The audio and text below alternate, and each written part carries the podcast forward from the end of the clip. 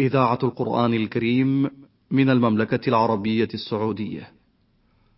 أعمال القلوب في الكتاب والسنة. برنامج أسبوعي من إعداد وتقديم الدكتور عبد الله ابن وكيل الشيخ تنفيذ عبد الكريم المجحد. بسم الله الرحمن الرحيم. الحمد لله رب العالمين والصلاة والسلام على أشرف الأنبياء والمرسلين نبينا محمد وعلى آله وصحبه أجمعين. أيها الإخوة المستمعون السلام عليكم ورحمة الله وبركاته وبعد. قد وعدناكم في الحلقة الماضية أن نتحدث في حلقتنا هذه عن طرف من الأذى الذي لاقاه النبي محمد صلى الله عليه وسلم وهو يدعو قومه إلى عبادة الله وترك ما سواه. لقد عز على قريش أن يأتيهم محمد صلى الله عليه وسلم بدين غير دينهم، كما عز عليهم أكثر أن يسمعوا منه سب آلهتهم وعيبها وإظهار عجزها ونقصها، فأخذت قريش تسلك في الكيد له مسالك شتى، وتتفنن في ضروب الأذى له لتمنعه من تبليغ الحق الذي معه. ها هو صلى الله عليه وسلم يدعو منذ الصباح إلى أن انتصف النهار يدعوهم إلى التوحيد وهم يردون عليه ويؤذونه بصنوف الأذى فمنهم من يحثو عليه التراب ومنهم من يسبه ومنهم من يتفل في وجهه وهو صلوات الله وسلامه عليه صابر محتسب يرجو لهم الهداية. بل يصل إليهم بل يصل بهم الأمر إلى أن تمتد يد عقبة بن أبي معيط إليه صلى الله عليه وسلم وهو يصلي في ظل الكعبة فيجعل رداءه في عنقه صلى الله عليه وسلم ثم يجذبه إلى أن سقط رسول الله صلى الله عليه وسلم على ركبتيه حتى أدركه أبو بكر رضي الله عنه ومنعه منهم وهو يقول أتقتلون رجلا أن يقول ربي الله؟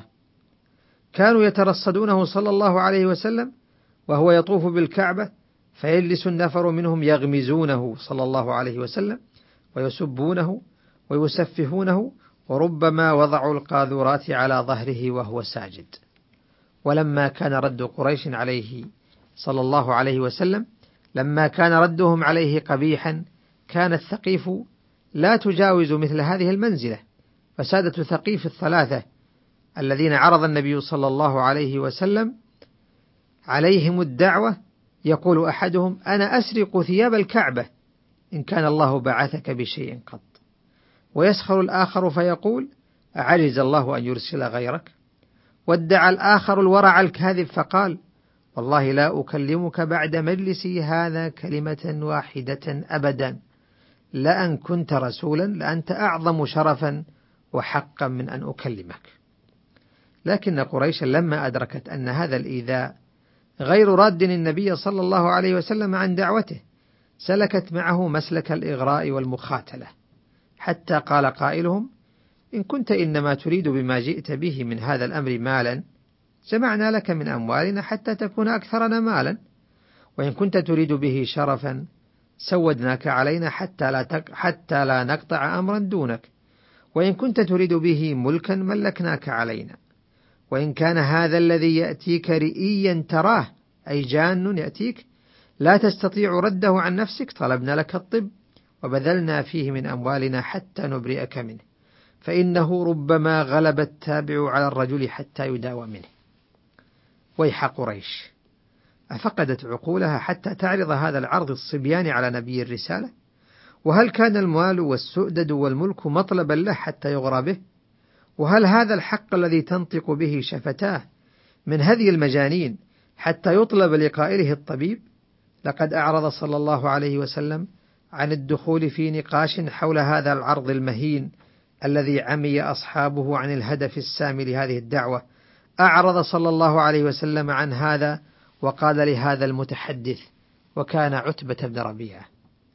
أقد فرغت يا أبا الوليد؟ قال نعم. قال فاسمع مني. قال أفعل. فقال صلى الله عليه وسلم قارئا عليه. بسم الله الرحمن الرحيم. حاميم. تنزيل من الرحمن الرحيم. كتاب فصلت آياته قرآنا عربيا لقوم يعلمون بشيرا ونذيرا. فأعرض, فأعرض أكثرهم فهم لا يسمعون. وقالوا قلوبنا في أكنة مما تدعون إليه. ثم مضى رسول الله صلى الله عليه وسلم فيها يقرأها عليه فلما سمعها منه عتبة أنصت لها. وألقى يديه خلف ظهره معتمدا عليها يسمع منه. ثم انتهى رسول الله صلى الله عليه وسلم إلى السجدة منها فسجد. ثم قال قد سمعت يا أبا الوليد؟ ما سمعت فأنت وذاك. لقد بلغت هذه الآيات من نفس عتبة مبلغا عظيما حتى قال لقومه وهم الذين ندبوه لهذه المفاوضة قد سمعت قولا والله ما سمعت مثله قط.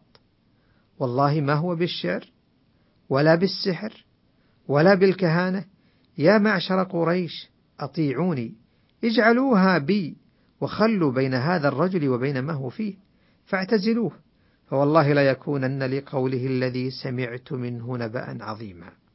فإن تصبه العرب فقد كفيتموه بغيركم وإن يظهر على العرب فملكه ملككم وعزه عز عزكم وكنتم أسعد الناس به.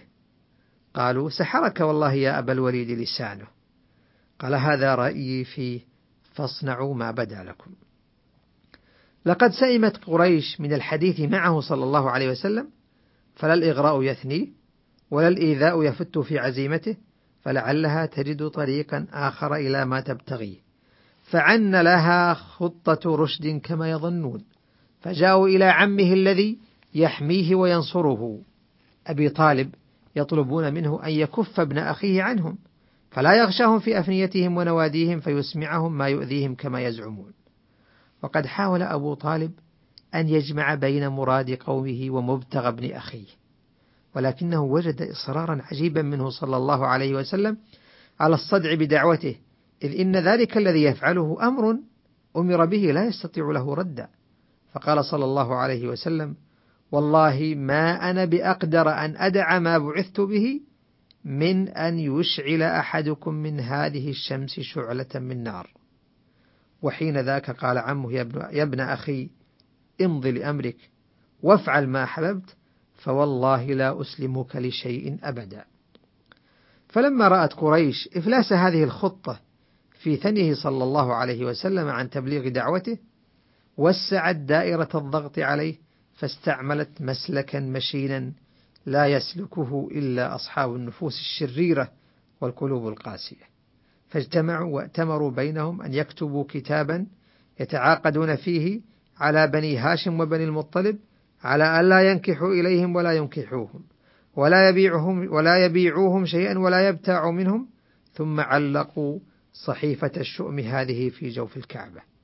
واستمرت هذه المقاطعة الجائرة ثلاث سنوات متواليات أصاب بني هاشم وبني المطلب فيها ضنك شديد ولكنها لم تفلح في بلوغ هدفها فلا ثنت محمدا صلى الله عليه وسلم عن دعوته ولا حملت بني هاشم وبني المطلب على الأخذ على يديه كما كانت تريد قريش. ثم كانت الرمية الأخيرة من كنانة قريش الائتمار على قتله صلى الله عليه وسلم وكانوا بادئ ذي بدء يريدون أن ينفذ هذه الجريمة أقرباؤه فعرضوا على عمه أن يقتله ويعطوه غلاما بدله وهو عمارة بن الوليد. وهذه خطة سفيهة لا يقبلها عاقل فلما أفلسوا منها أجمعوا على أن يشتركوا في قتله القبيلة كلها من خلال مندوبيها حتى يعز على بني هاشم وبني المطلب المطالبة بدمه فيرضوا بالفداء. ولكن الله متم نوره ومنجي نبيه صلى الله عليه وسلم من كيد الكائدين. هذه صور موجزة وسريعة توقع في النفس محبة المصطفى صلى الله عليه وسلم وتشعر النفس أيضا بضخامة ما قام به من عبء البلاغ وتظهر للإيمان به معنى غير التصديق المجرد إلى الاتباع والائتساء والمتابعة. جعلنا الله من أتباع نبيه محمد صلى الله عليه وسلم. والسائرين على دربه وإلى أن نلتقي مرة أخرى أستودعكم الله. السلام عليكم ورحمة الله وبركاته. أعمال القلوب في الكتاب والسنة. برنامج أسبوعي من إعداد وتقديم الدكتور عبد الله ابن وكيل الشيخ تنفيذ عبد الكريم المجحد.